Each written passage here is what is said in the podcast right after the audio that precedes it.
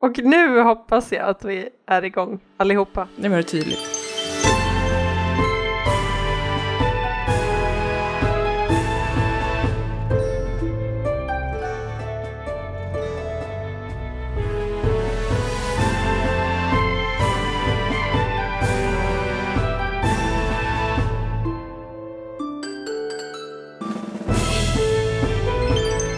Åh gud, jag kände redan också eh, Matilda att min röst också håller på.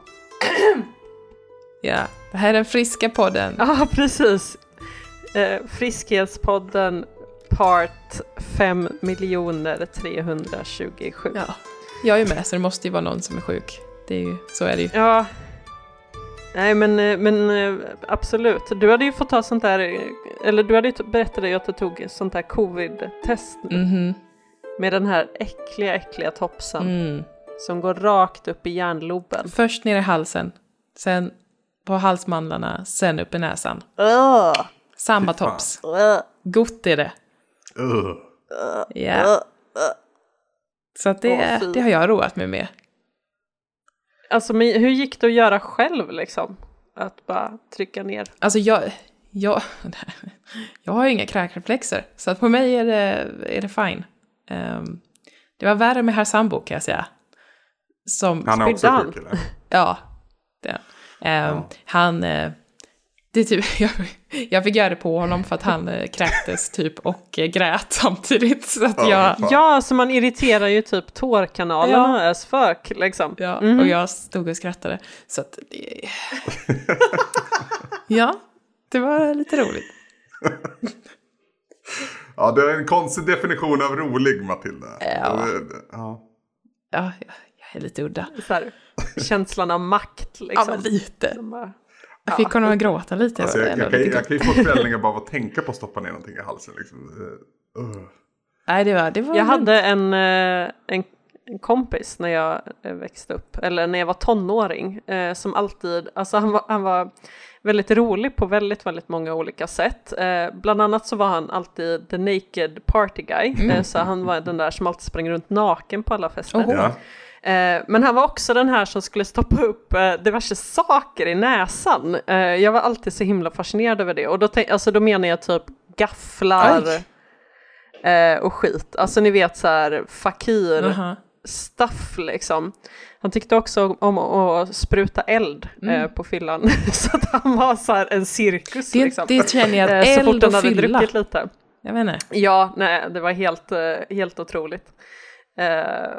Men just det där, alltså hur långt man kan stoppa upp någonting som också är ganska stort Mhm. eh, upp i näsan. Och hans absoluta favoritpartytrick, det var ju den här klassiken att han snortade upp en kondom Ja, i näsan och sen drog Ut genom han den munnen. ut genom munnen. det kan ja. jag göra.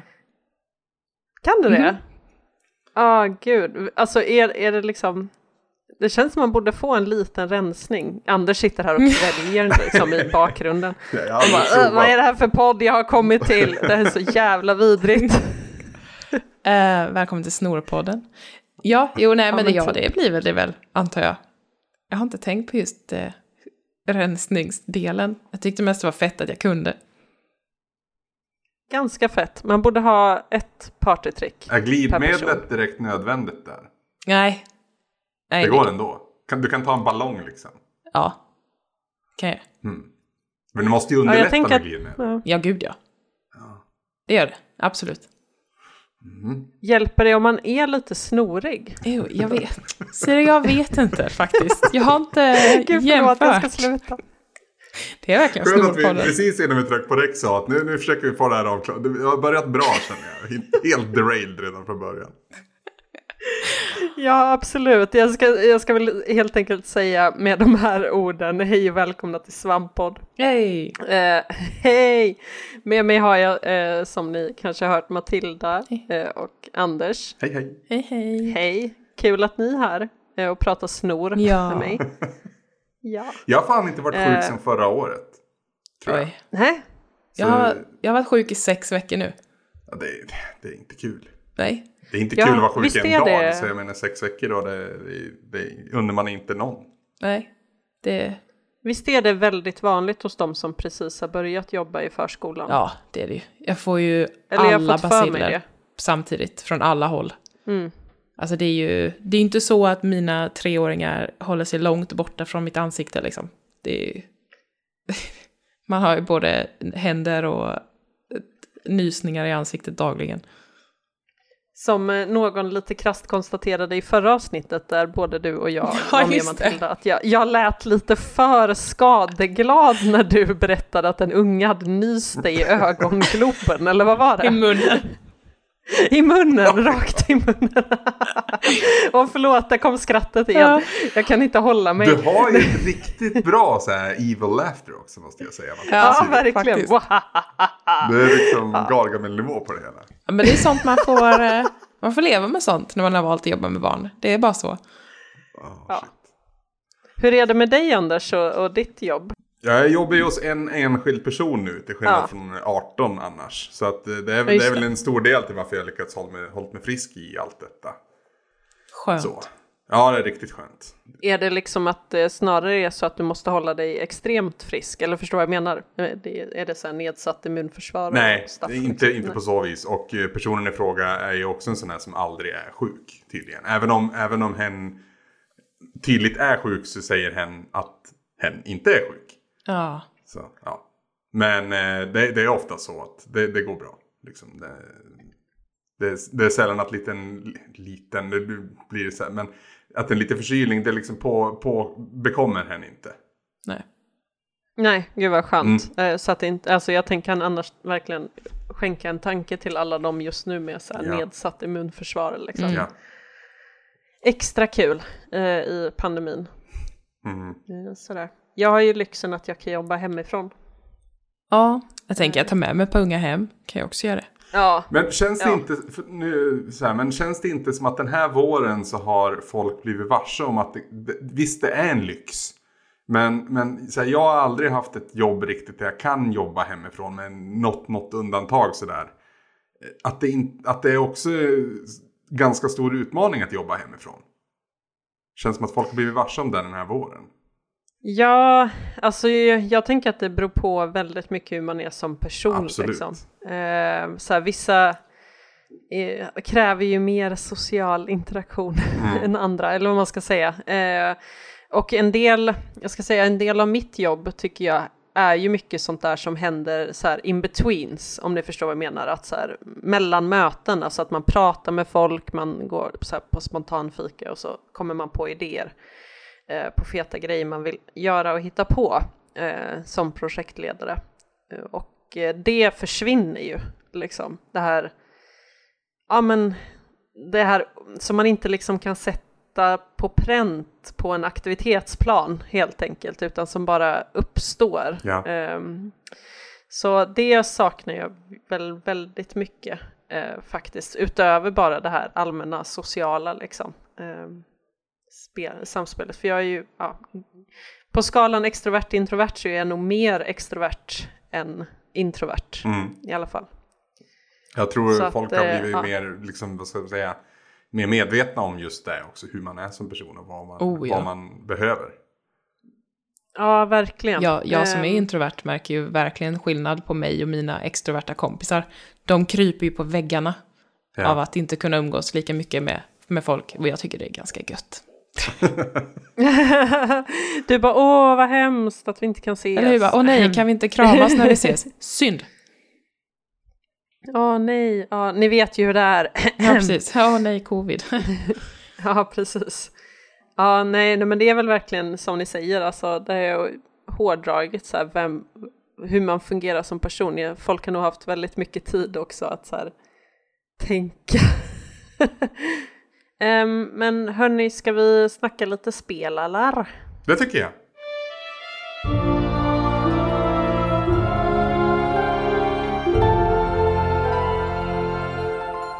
Jag tänkte att eh, du Matilda ska få berätta om eh, em, generisk speltitel nummer ett. Lost Ember.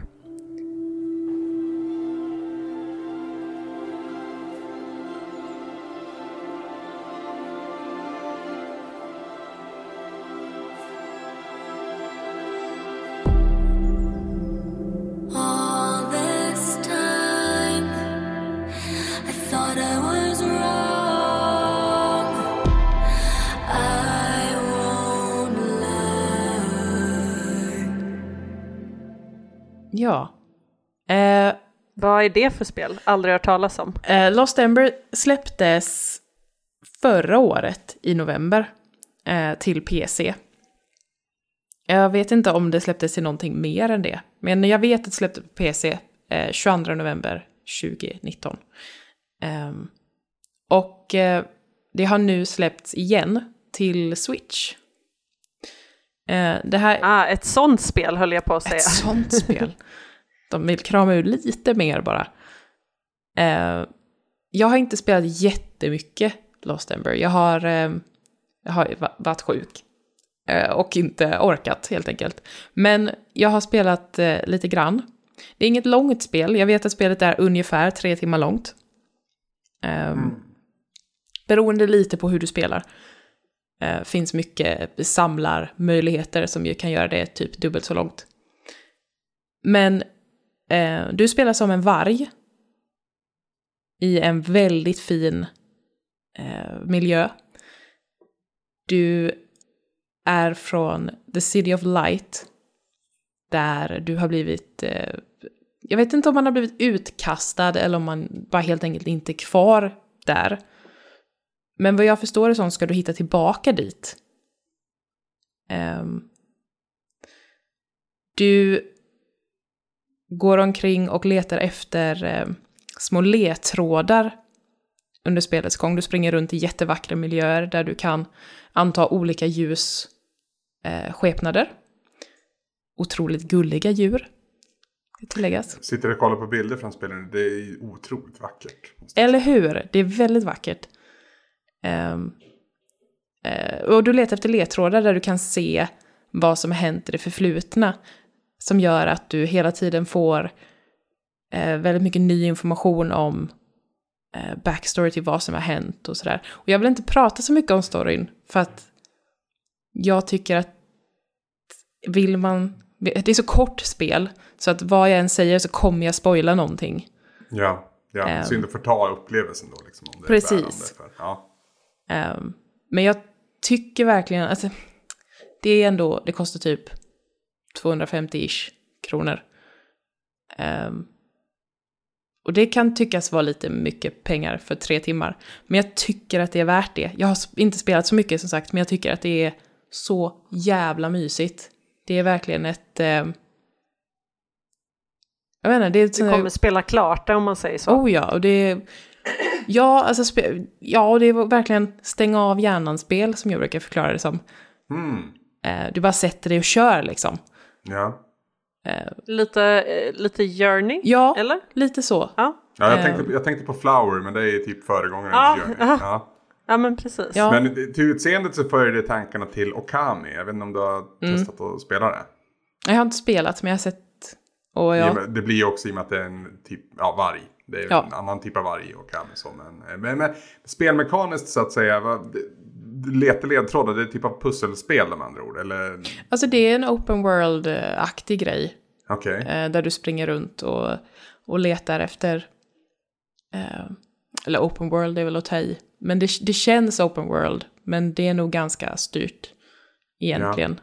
Ja. Ehm, ja, men du letar efter små genvägar, du ska byta skepnad till vissa djur för att komma igenom på vissa ställen. Och ena stunden är du en liten anka och andra stunden så är du den här vargen igen och sen, ja, right. sådär för att kunna komma till olika ställen. Och eh, varje djur kan göra en rad olika saker som är helt poänglösa för spelet, men bara otroligt gulligt.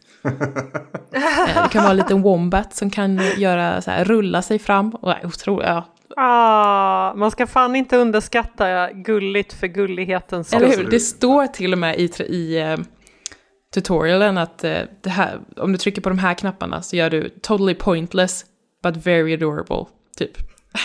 Man bara, ja, jo, jag, jag köper det. Ehm, nej men så har, man, så har man tre timmar över en dag så tycker jag att det här är ett ofantligt mysigt spel att eh, sätta sig med. Även med lite, med lite yngre barn, skulle jag vilja påstå, skulle kunna vara med. Ja, jag tänkte det. Jag spelade ju Journey med min eh, tvååring. Eh, ja, var, jag spelade och hon tittade och kommenterade. Mm. Eh, ska jag säga. Men det, det här lät lite som att vi skulle kunna fortsätta med, med det här Oh, ja. då, nu när vi har spelat klart Journey. Mm, det tycker jag. Just det, ja, visst hon kommer kanske inte förstå eh, den djupa storyn. Men, men det behöver man inte heller. Jag ska sätta mig och förklara för henne. Ja, det tycker jag. Nej, men det, och det behövs liksom inte, för att det räcker med att, eh, att följa den är här fina vargen. Liksom. Det är en gullig wombat Ja, liksom, precis. som rullar omkring. Och kan ja. äta bär. Ja, ja, men det räcker. Ehm, ja, och jag, jag vet inte, jag blir väldigt tagen av spelet. Det, det väcker känslor i mig jag inte trodde att det skulle göra. Vad mysigt, jag älskar när man blir sådär överraskad. Mm. Eh, hur tycker du att den eh, står sig på Switch? Eh, jag tycker att det funkar bra, faktiskt. Jag spelar ju switchen bara handhållet, så jag har inte liksom provat att sätta mig vid tvn så. Och jag tror lite att det skulle förta känslan för mig, för att jag tycker det så här, det, det ger lite att kunna mysa upp i sängen och liksom så här, köra en stund. Ehm, och bara försvinna in i det där härliga. Så jag tycker det, ja, det funkar väldigt bra. Ja, ja men nice. Jag blev i alla fall väldigt eh, sugen faktiskt. Undrar om Eh, inte det här har varit med i någon av Annas pepphörnor för en jävla massa år sedan. För det känns bekant det här. Eller ja. Alltså det var någonting med det när jag fick titeln som gjorde att jag, så här, där vet jag vad det är för någonting. Men jag vet inte varför. Så det kanske är det. Det kanske är så att Anna har pratat om det. Mm. Det, det känns ju Det ett ser väldigt, väldigt mycket ut som en... Anna-kompatibelt spel. Ja, ja, Mm. jag tänkte exakt samma sak. Så här, färgsättningen, eh, ja, grafiken, Ja. allt. Designen. Mm. Ja, det, är- ja, det är väldigt vackert. Så jag tycker att eh, om man eh, är lite sugen, kör. Men eh, nu sa du ju att du inte ville spoila så mycket, men det finns alltså utöver det här att det är väldigt estetiskt tilltalande och väldigt liksom visuellt så finns det också innehåll Mm. i det här Ja, det gör som det. gör att det är kul att spela också. Absolut. Eh, spelmekaniskt Just de här, de här små tillbakablickarna du hittar hela tiden. ehm, gör att eh, det, det bygger upp en, en story. Gör det. Och sen finns det en berättarröst ehm, hela tiden. En, såklart en brittisk man. Eh, Är det David Attenborough? Åh, ja, det, det, det, det känns det fel om man tar någon annan än en. Eller hur? Det är ju så. Eh, och ja, det är väldigt, eh, det är väldigt härligt. Ja, jag blev fan pepp. Hur eh, är Connection Haunted då? Det är också härligt. Det är så generisk speltitel 2. Connection Haunted. Ja, Det låter inte som ett mysigt spel.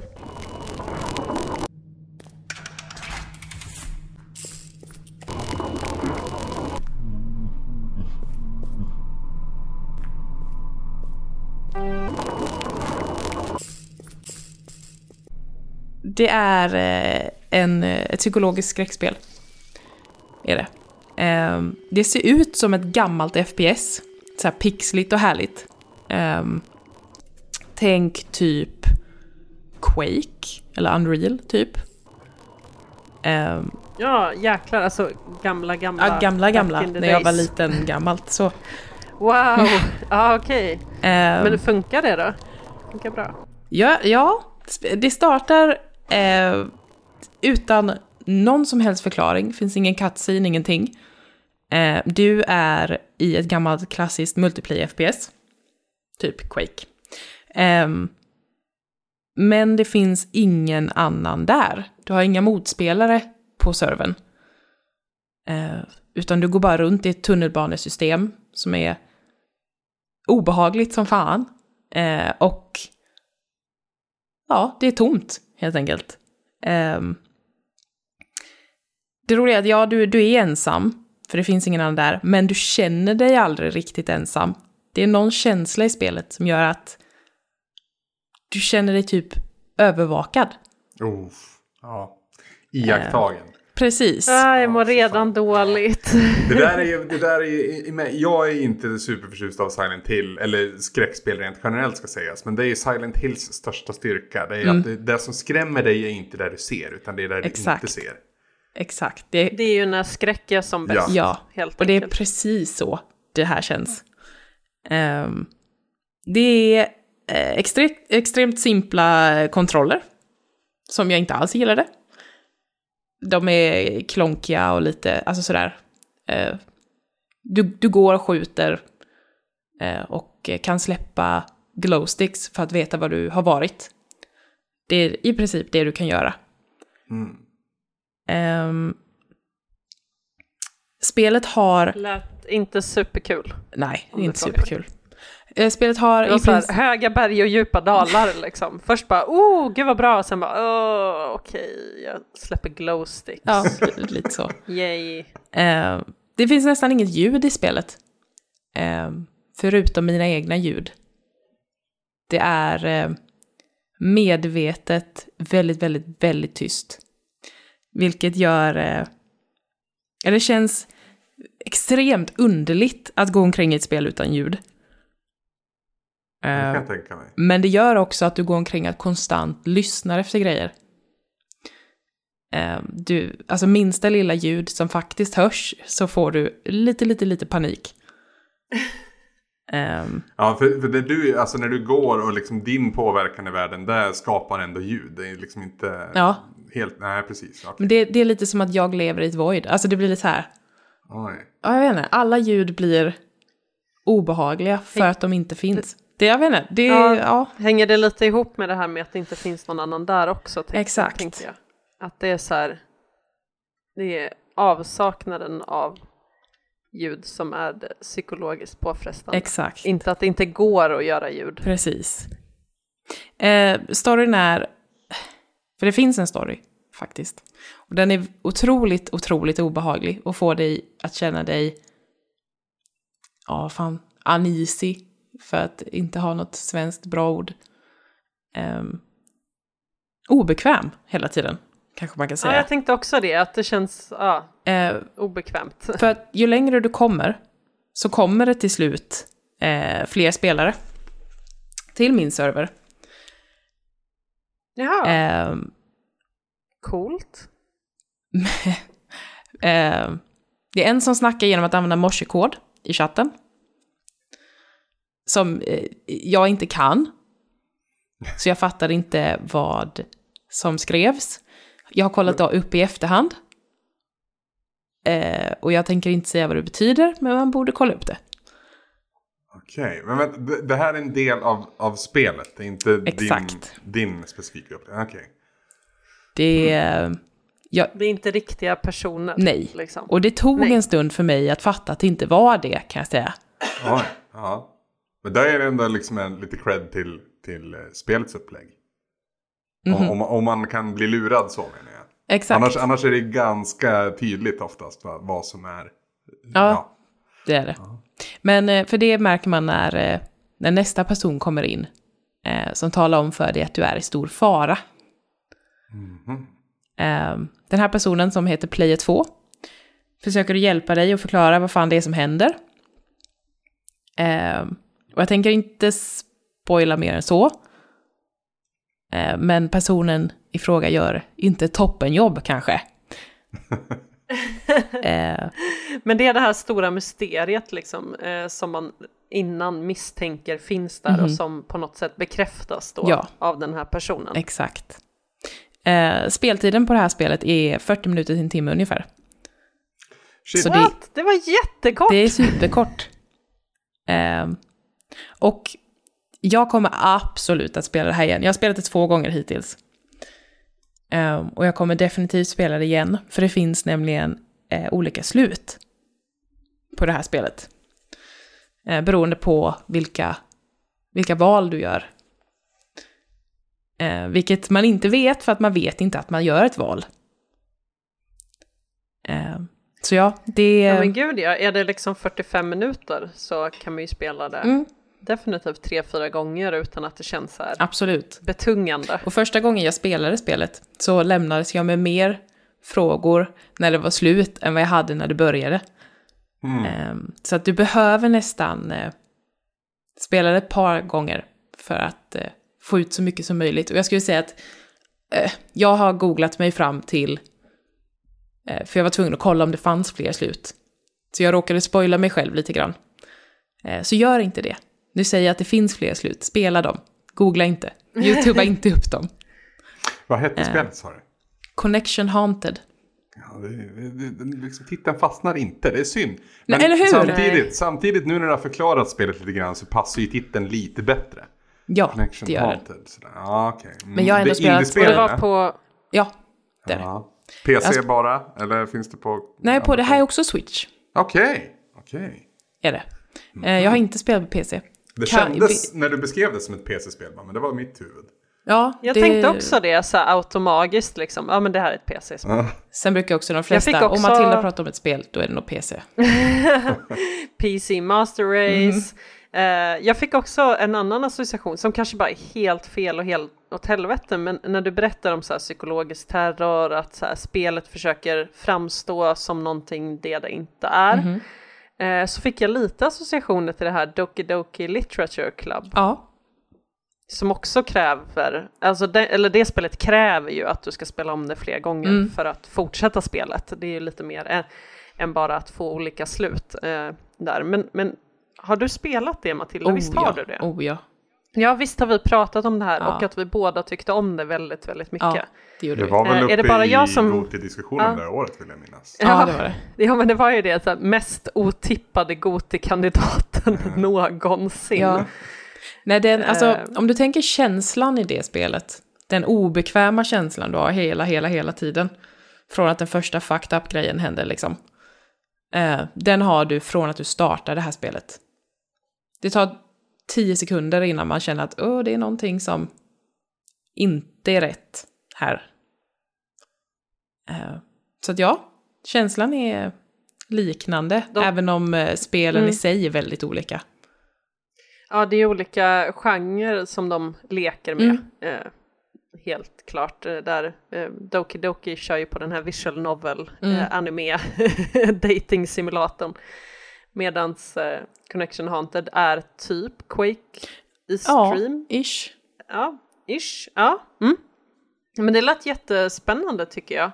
Eh, jag brukar ju ha också, precis som du Anders, jättesvårt för skräckspel. Mm. Alltså jag klarar typ inte av att bli rädd Nej. i, i spel. Eh, film, inga problem. Nej, men jag känner faktiskt likadant i film. Jag tycker, jag tycker skräck Ja. ska vara en krydda i, alltså jag, jag, en så här, typ en thriller med skräckelement är jag helt för. Men när det liksom bara byggs kring skräcken, så det, jag tycker det, det är tråkigt, ja, alltså det hör också till att jag tycker inte om att bli rädd, såklart. Men jag tycker Mm. också det blir tråkigt när man bygger det bara kring det.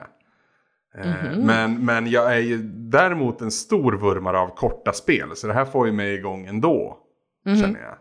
Connection Haunted, jag måste fan skriva ner det här, för titeln kommer ju inte fastna, det står ju klart. Nej, det, alltså jag har spelat det två gånger nu och jag kommer fortfarande inte ihåg vad det heter. Men premissen verkar ju jättespännande och som, som sagt, som du säger Anders, eh, jag håller med, det här med att det är kort Mm. gör nog ändå att, det var precis som med Doki Doki, jag klarar av eh, till viss mån den här psykologiska skräcken när man får det i korta stötar. Mm. Jag klarar inte av jump scares i spel, Nej, här är det inte jump Alls. scares. utan det måste vara det här. Och jag mår så dåligt men jag vet inte varför. Ja. då, kan- då kan man liksom processa det eh, på något annat sätt tycker Ja. jag. Än när det blir den här liksom alien isolation Ja, men precis. skräcken. Att du är jagad eller att eh, något kan hoppa fram bakom hörnet. Eh. Ja, nej, jag blir alltid så imponerad av spel som kan få mig att må dåligt genom att inte ha ljud. Alltså det är inte att de har en så bra ljudbild att den, är, att, den är, att den är bra liksom, utan det är att vi sket i det. Och därför är det obehagligt. Ja, det är ju nästan lite ett så här, eh, eller ett väldigt stort regelbrott mot hur skräck som genre egentligen fungerar. Exakt. Som det är extremt ljudberoende. Eh, beroende. Mm. Samtidigt förstår jag om det är helt tyst. För att alltså, det finns ju så här studier på vad, hur- vad som händer med människor om de placerar sig i helt tysta rum. Mm. Och det är ju något djupt obehagligt i det också. Så jag, jag, jag, jag, jag Ja just det, sådana här rum som är Helt ljudisolerade. Ja, stänger ute. Ja. Ja. Ja. Ja. Och så börjar folk höra sina egna Exakt, hjärtslag och exakt. grejer. Mm. Lite så här Lovecraftian. Ja, men man blir ju... Mm. Ja, jag vet inte. Man blir... eh, Ja, man går bara omkring och letar efter, efter saker att, att höra och bli rädd för. Så jag bara blir paranoid Ja, för- liksom. Alltså som ni säger, det, det är så här, it makes sense. eh, för alltså skräck är ju så himla mycket sensoriskt också Mm. tänker jag. Att Mm. vi ska känna saker. Vi ska, vi- det, det handlar om vad vi ser och inte ser. Det handlar om vad vi hör och inte hör och vad vi upplever. Och, och hjärnan är ju, alltså människohjärnan är ju smart på jättemånga sätt. Men den lurar ju oss också eh, så fruktansvärt mycket. Och, och, och kan man liksom anspela på det där, att göra oss lite knäppa liksom för att vi inte får höra någonting. Då, ja men det låter som att de, de har angripit det här på ett ganska så intelligent sätt. Nu utgår jag bara från det du har återberättat Matilda, Mm. men ja, utifrån det så, ja, d- det är väl det också som skulle kunna trigga igång mig någonstans, att så här, det är intelligent skräck. Mm, Då Exakt är så. det liksom, det här smarta gör att man kan förbise att det är skräckgenre, antar jag. Mm. Ja, eh, fan, sugen på det här också. Ja, herregud. Connection haunted Anders, connection Ja, jag, haunted. jag har skrivit ner det här faktiskt redan. Bra. Ja, det har det. Och visst fanns det till PC också? Jag, alltså jag är inte helt säker. Nej. Jag vågar inte säga det. Men eh, jag tycker det var, alltså det funkade väldigt bra att köra på Switch. Så eh, har man en Switch så kör. Ja, det har ju jag. Så det Ja, du har ju det. Ja. Vissa har det bra. Spännande. Ehm, Anders, du har ju spelat eh, spel Mm, också. mm. Ett lite äldre spel. Ett mycket äldre spel. mycket äldre spel. I, sp- ja, I spelsammanhang är det ålderdomligt. 2011 så släppte den finska spelstudion Recoil Games ett spel till Playstation Network. Då till PS3 då, som var den dåvarande konsolen som heter Rochard.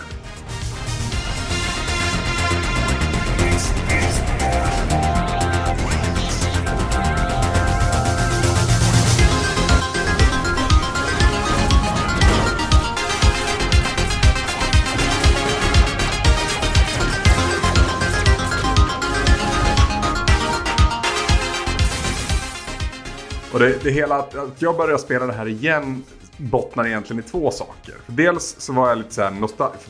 Okej, jag ska börja från början. Jag försökte spela, eller skriva en text om spel. Och det gick inte. Och jag, ju mer jag försökte desto sämre gick det och jag så här. Jag, har- jag har tappat det. Har jag någonsin kunnat skriva någonting bra om spel? Så då började jag liksom scrolla mina gamla recensioner och snubblade över den här. Och det är ett spel som liksom har verkligen fallit i glömska. Eh, men jag var väldigt förtjust i det när det kom, vilket också framgick i min recension. Eh, en annan anledning till varför jag då började spela det var för att min nuvarande dator som jag sitter och spelar in på nu och eh, som är liksom min, ja men min, min, min PC är ju en liten Intel NUC. Så det är liksom noll spelmöjligheter på den egentligen. Det är liksom integrerat grafikkort så det går liksom inte att göra någonting med det. Kanske spela någon emulator och sådär. Men det här gick faktiskt att spela efter jag hade testat demot på Steam. Så jag, jag köpte det igen och kände att det här vill jag återuppleva. Men baserat på att jag hade läst min gamla recension av det.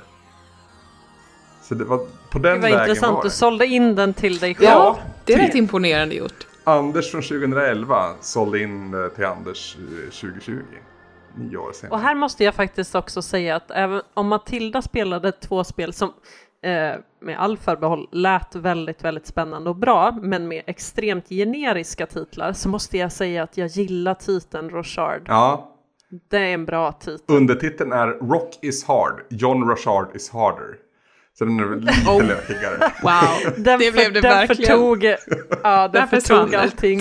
Jag tar tillbaka allt, glöm det jag Wow. sa. Det är lite eh, temat i det här. Det är, ja, det, det är säkert mycket medvetet att det ska vara så här uppvridet och liksom eh, lite lökigt så.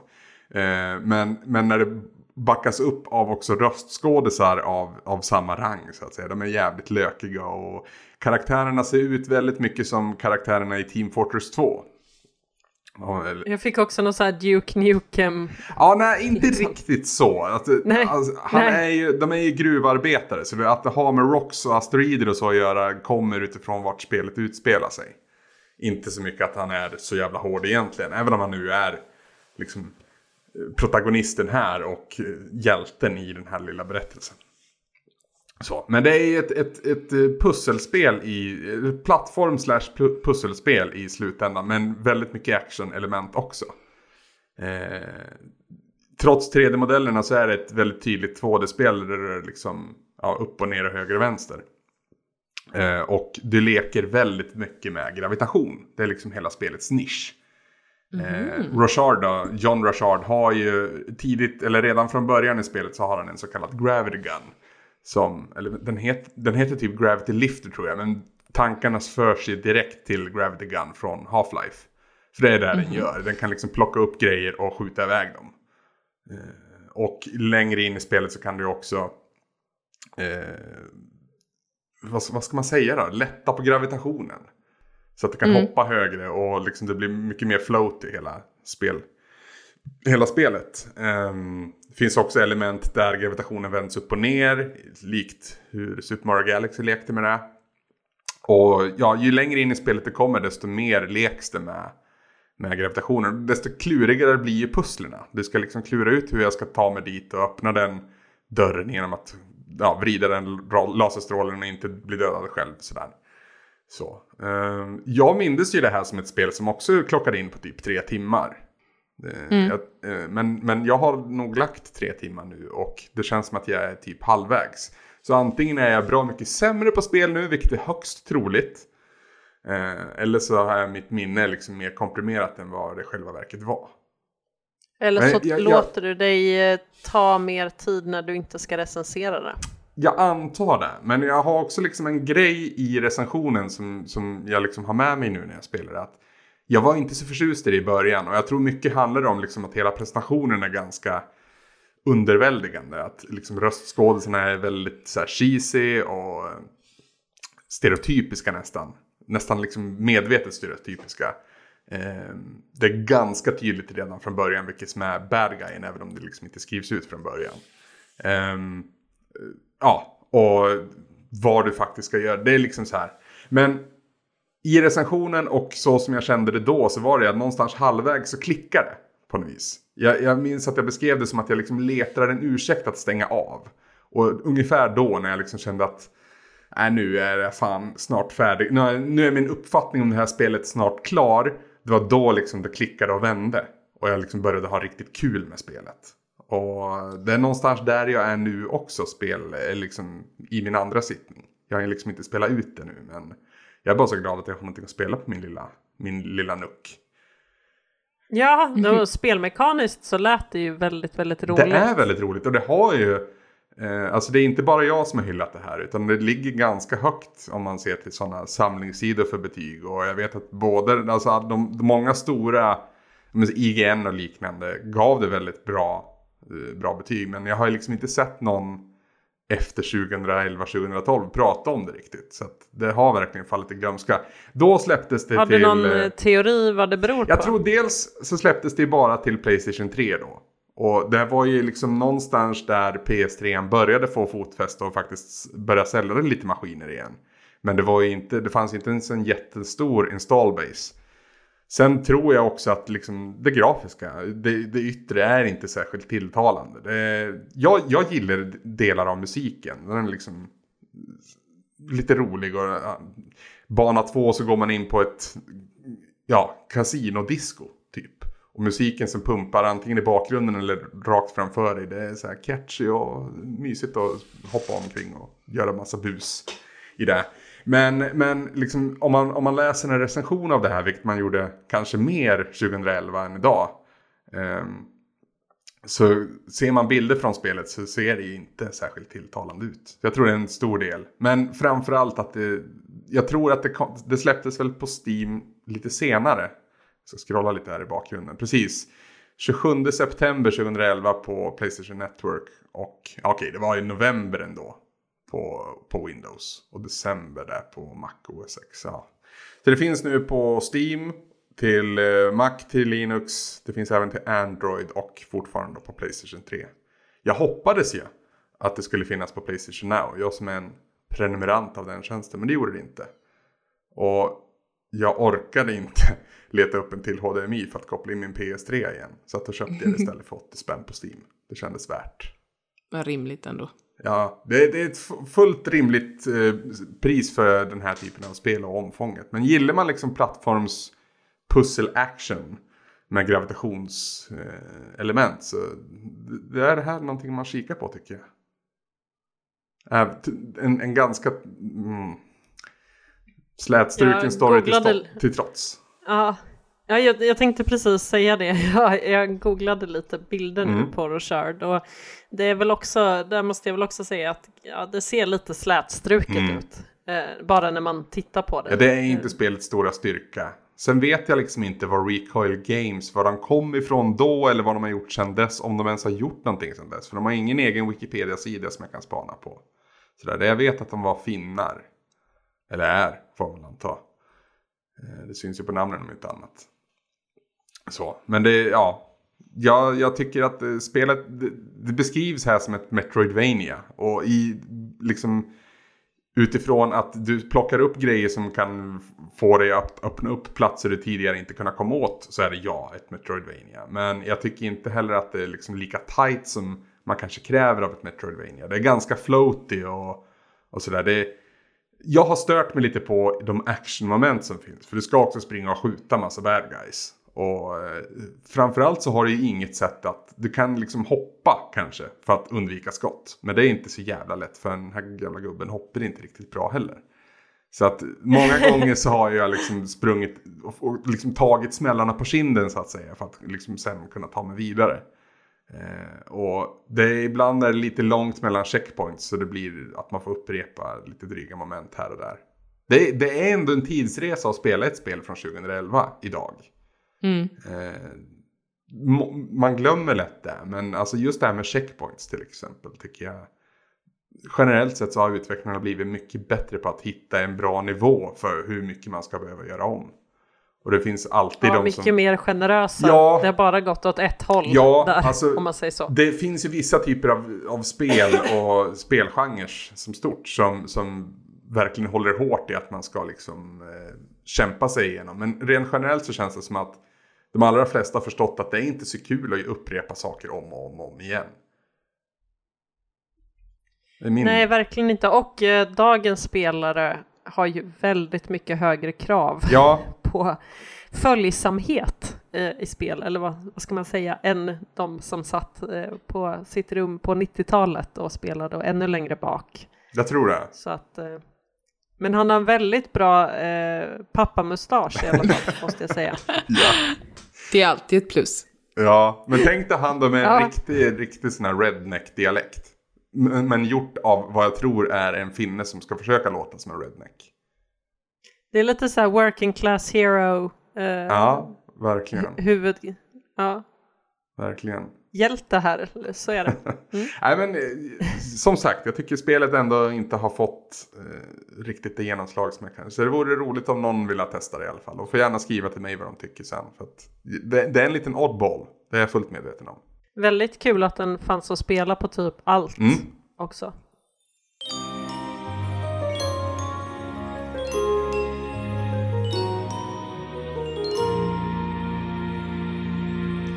Um, hörni, nu tänker jag om det är okej för er att uh, det blir filmtime istället. Absolut. Yes, för du Anders vill, vill prata film. Ja. uh, och då tänker ni som lyssnar kanske, wait a minute, uh, ni brukar inte prata film. Men vi ska faktiskt, prata, eller du Anders vill, vill prata lite om en film som handlar om spel. Ja, precis. den släpptes ju här 23 september, så det är ju, ja, förra veckan måste det bli det i alla fall. Ehm, och den heter då Console Wars. It's the hot new buzz. Video games.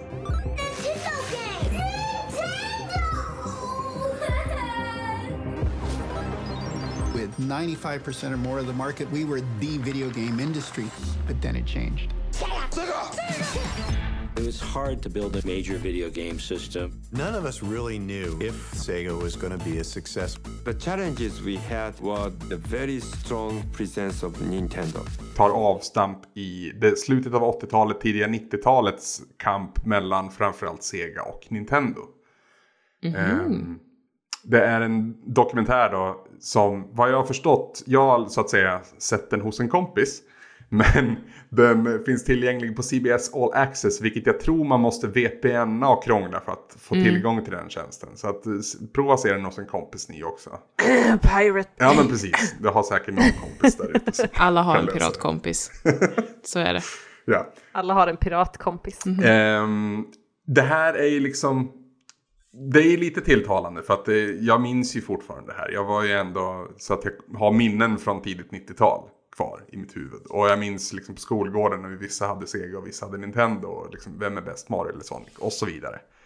Men det är ändå kul för att man får ju en, en backstory framförallt från Sega-hållet känns det som. Och jag, jag förstår ju varför man har valt den, eh, den ingången. För att när liksom Sega skulle ut på den amerikanska marknaden och där allting liksom kretsar kring i den här dokumentären så hade Nintendo alltså 95% av marknaden. Och det är svindlande. Alla älskar en underdog. Ja men det blir ju en underdog story och sättet de, de liksom tog marknadsandelar var ju väldigt liksom pikt och tufft och alternativt och coolt. De riktade in sig mot en liten högre målgrupp, de gjorde åtlöje av sina konkurrenter och de liksom Ja, de gjorde många smarta marknadsdrag helt enkelt. Och i dokumentären får man höra om beslutsfattarna och varför de tog de besluten. Och det, det är väldigt intressant. Dock ska det ju sägas att mycket har man ju sett förut. Mycket har man läst om förut, mycket har man liksom faktiskt också sett förut. Och det är liksom snyggt paketerat och liksom man tar riktiga karaktärer och gör om dem till 16-bitars gubbar och sätter i så här effekter. Så, men om den tillför särskilt mycket till tv-spelsdokumentärssfären i övrigt, jag vet inte. Men det var ändå en, en trevlig liten dokumentär om en väldigt speciell tid i, i spelens historia. Måste man ändå säga. Det var... Det, ja, men jag tycker ändå att den är sevärd. Den är ändå... Den är en och en halv timme lång. Mm. Och man hade kunnat kapat 15-20 minuter med lätthet känner jag med så här facit i hand. Men jag är ändå glad att jag såg den och jag skulle också vilja rekommendera den till de som finner det här intressant. Det låter spännande, faktiskt. Ja, jag tänker också på det du sa Anders, det här med att eh, en del har du redan sett och ja, hört. Ja. liksom, en, mycket av det här vet man om redan. Jag tänker, det, det måste ju, det är ju alltid svårt att göra dokumentärer om nördigheter och fandoms för att få det att kännas piggt. Mm. tycker jag. Absolut. Just för att är det några som är duktiga på att gräva upp skit så är det nördar. Jo, jo, jo. Och alltså det, är- Eh, man ska ju också ta liksom, i anspråk att det är jag som säger det här. Och jag har ju sett det, men kanske inte gemene man har sett det. Men jag har ju liksom läst många level-tidningar om, om Segas uppgång och fall. Och jag, jag vet att på Netflix så finns det en, en serie nu, jag kommer inte ihåg vad den heter. Men där är ett avsnitt tar jag... Oh, någonting high score. Ja, exakt. Exakt. Ja. Och det, ett avsnitt där tar ju avstamp i den här eran också. När liksom eh, hemkonsolmarknaden gick upp igen. Efter Atari-kraschen. Mm. Så att det kanske är därför det liksom känns lite väl bekant och så. Men det är absolut välproducerat. Och den är, som sagt, jag tycker det finns någonting att, att, eh, att kika på om man, om man känner det intressant. Framförallt väldigt ju- eh, ärliga intervjuer tycker jag. Det uppskattade jag. Mycket alltid olika intressant. betydande människor som har blivit intervjuade. Och man får liksom, även om den liksom tar mycket från Sega-perspektiv första timmen i alla fall. Så, eh, så får man ändå bilder från, från andra sidan lägret. Eller andra sidan spelplanen rättare sagt. Eh, hur Nintendo resonerade när liksom Sega gick in och Genesis does what Nintendo don't. Sådär. ja, nej men det känns så himla, himla avlägset eh, nu tycker jag också. Det här med att konsoler skulle vara på väg ut. Eller förstår du vad jag menar? Det känns som så här. Men jag kan ta, jag kan ta så en, en, en, en liten bit från den här dokumentären. Ja. Som sagt, Nintendo hade 95% av marknaden. Och de var ju också notoriska för att de höll liksom, återförsäljare i ett järngrepp. Istället Mm. för att liksom, tillåta andra maskiners eh, hyllplats så erbjöd Nintendo Ja men om ni lägger upp fler hyllor med Nintendo-produkter så kommer ni sälja så här mycket mer och så. De var väldigt stenhårda. Och det fanns då en för oh, Best Buy, kan det vara det? Jag tror det var Best Buy. Som hade ett huvudkontor någonstans. Så Sega valde ju då att verkligen blästra just den geografiska punkten med Sega-grejer och satte upp sådana här eh, spela Sega for free eh, kring eh, affärerna. Hur mycket som helst så att det ringlade köer utanför deras kontor. Väldigt, väldigt smart och väldigt punkigt gjort. Och det, det är, med facit i hand så funkade det ju väldigt bra. För de kom ju till slut in då på, i den här kedjan. Tack vare det stuntet. Men det var mycket sånt där. Det var mycket tänka utanför boxen och sånt. Och det, det, det är fascinerande att se tillbaka på.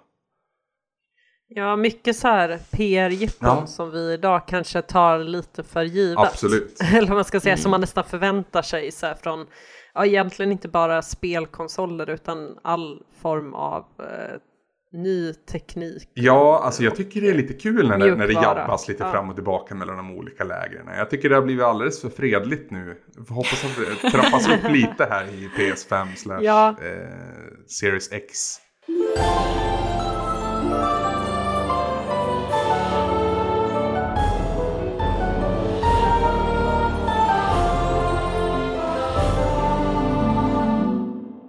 Ja, apropå det, apropå eh, Xbox 6 versus Playstation 5.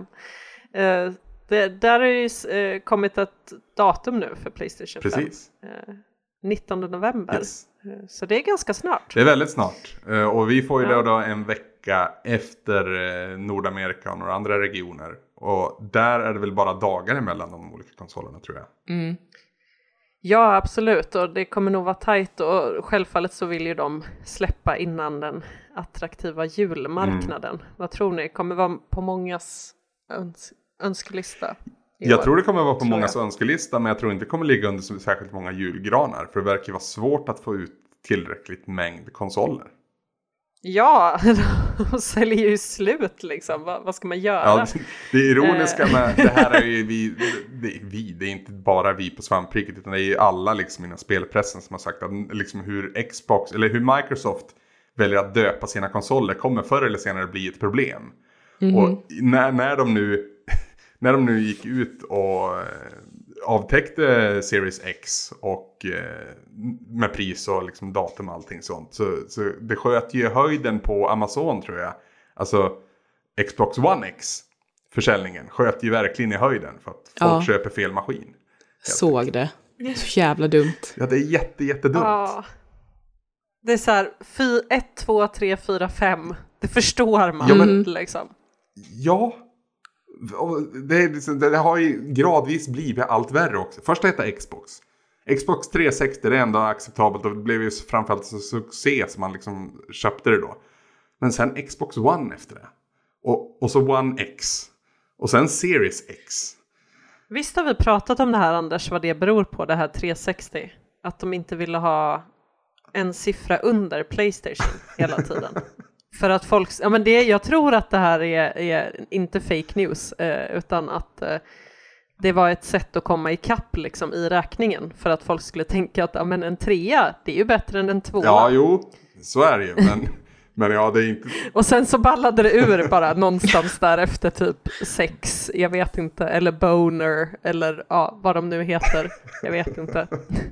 Nej, alltså tipset till, ja, om man nu, jag vet inte om vi har någon lyssnare här som ska be sin mamma eller pappa att köpa en konsol. Men det är så här, ge mig den nya Xboxen. Det är väl, det är väl nyckelorden här. Jag vill ha den nyaste Xboxen.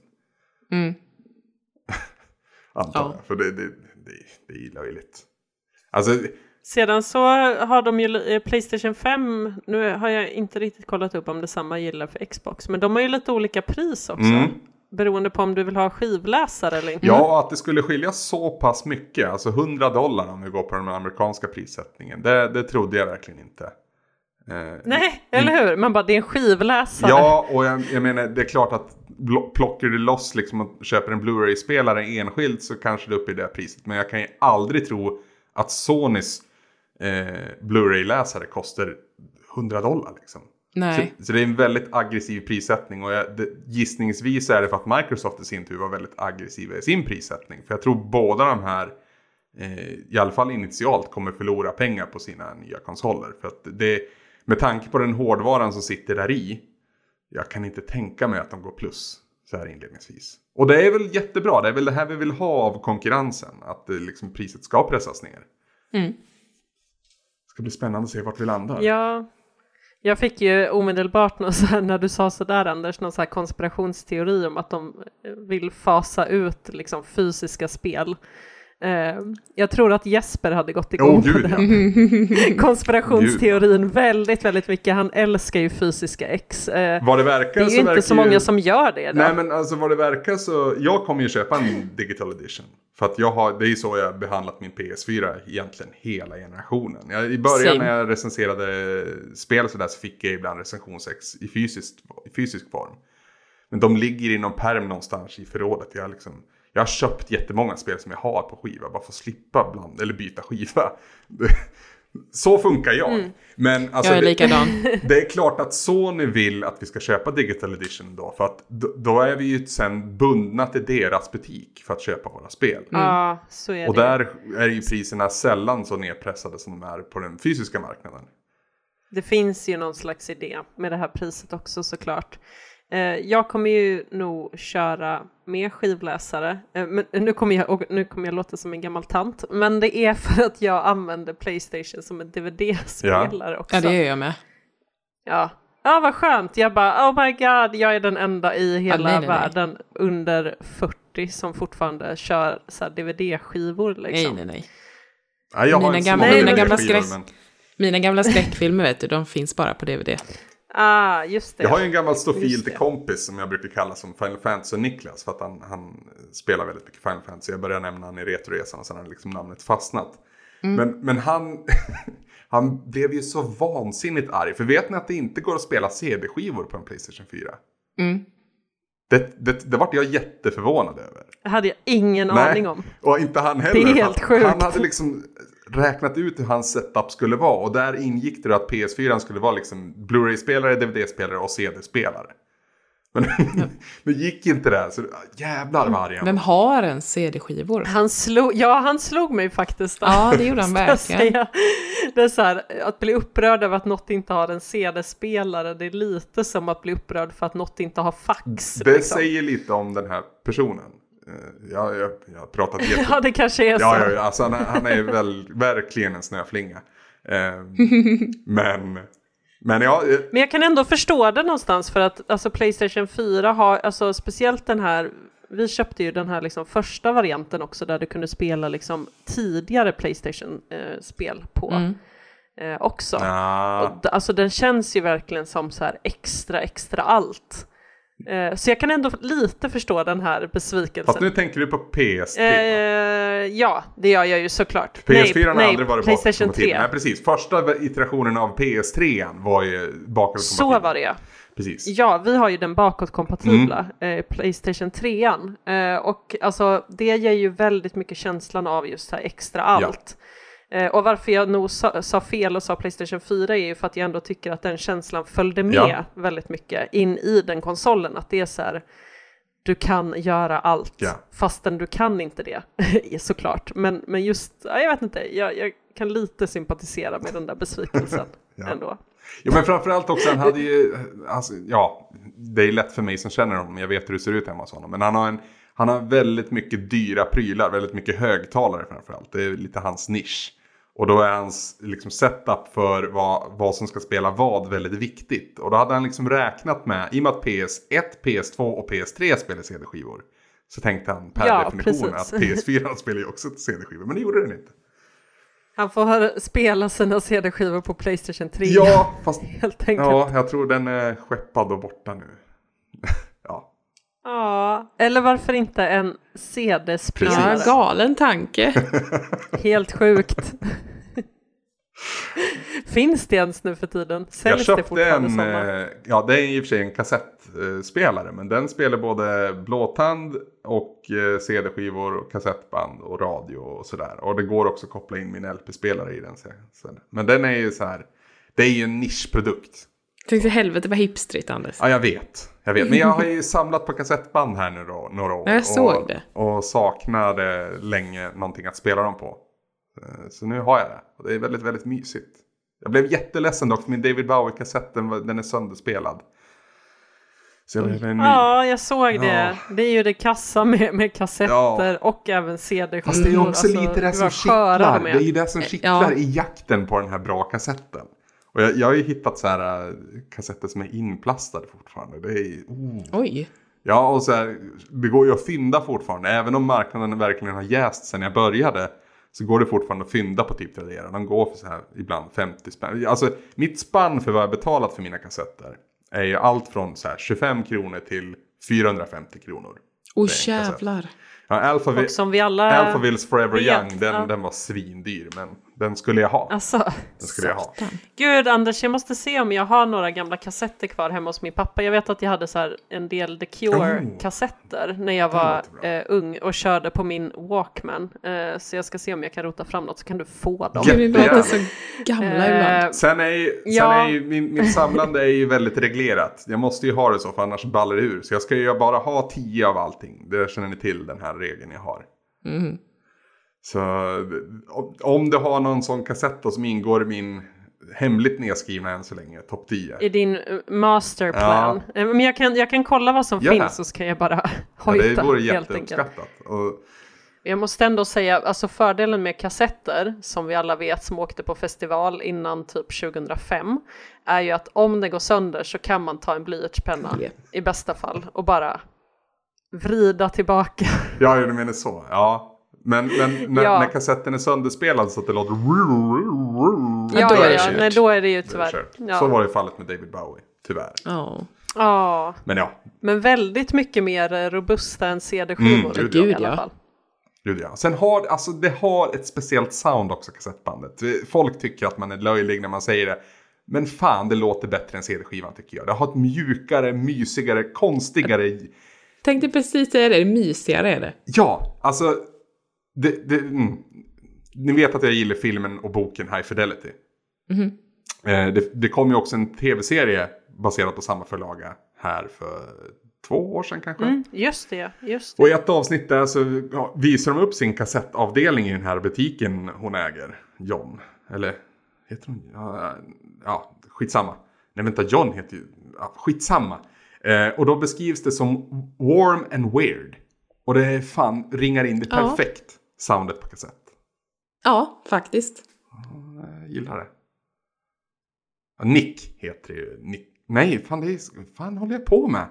John är skådisen som spelar Rob Gordon, precis. Och hon heter också, det är en tjej som är Rob i, i tv-serien. Det är liksom ett gender swap. Jag och Matilda bara, jag har ingen Nej, aning jag om vad du pratar Alltså, om nu Jag Anders. gick in på författaren till boken, jag gick in till skådisen som spelar Rob i filmen. Det var- det vart fel hela tiden. Rob huvudkaraktären i High Fidelity. Så, där är det ute. Yes. Snyggt. Måttligt förvirrad eh, stämning. Ja. Och hur fan Men det hamnar vi här? Jag vet inte. Jag har absolut ingen. Jag funderar precis på det. Vi pratade om att Playstation 5 borde kunna spela kassettband. Ja, just det. Det vore fantastiskt Det om varit- kunde det. Med tanke på hur stor den är så kanske det finns ett litet fack. Ja, eller hur? Det skulle så här, hemliga fack liksom. En liten diskettläsare någonstans. Shit.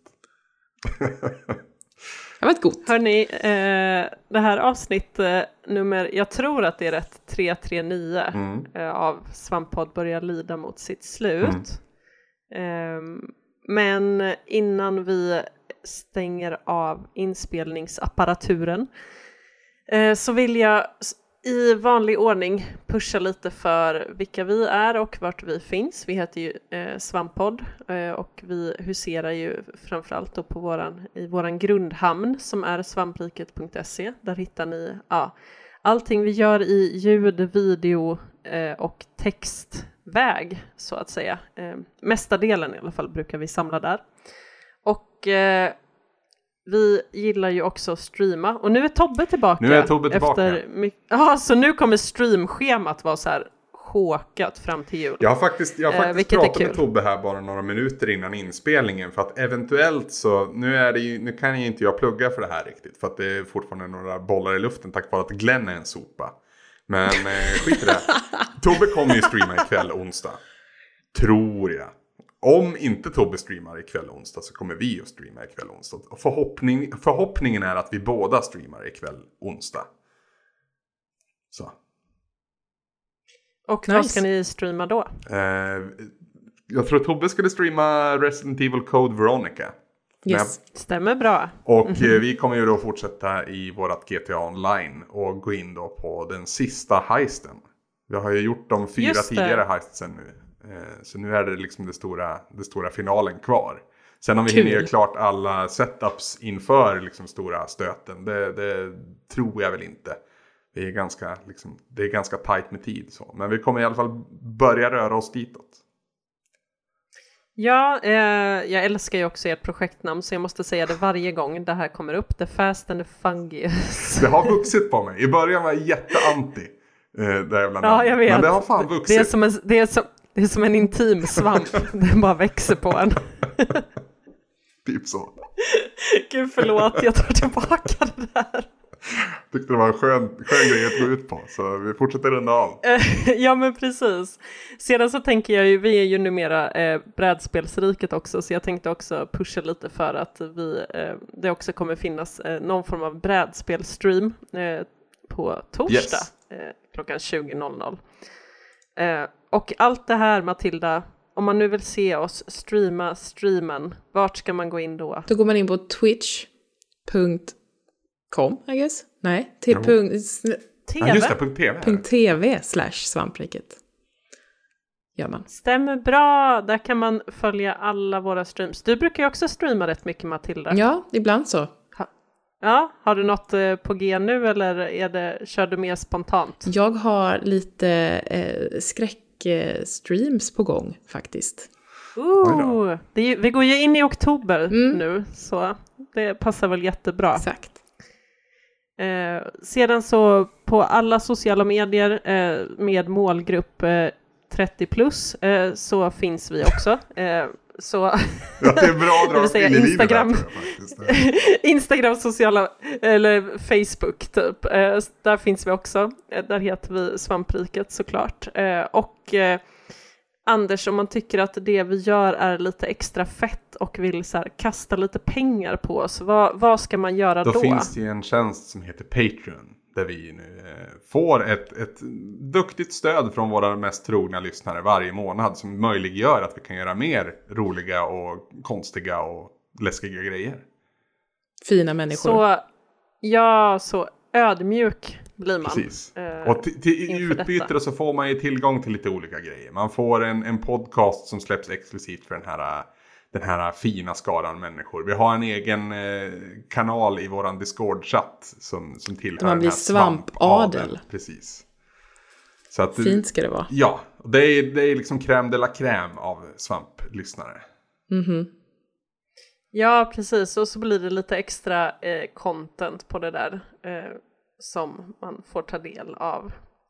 Och så, eh, ja, vi finns lite överallt. Eh, det som är vår gemensamma nämnare är ju att vi heter Svampriket. Sen- En sak som jag jättegärna skulle vilja pusha för också, Matilda, eh, är ju att vi har ju nylanserat våran merch, eller Så hur? är det ju.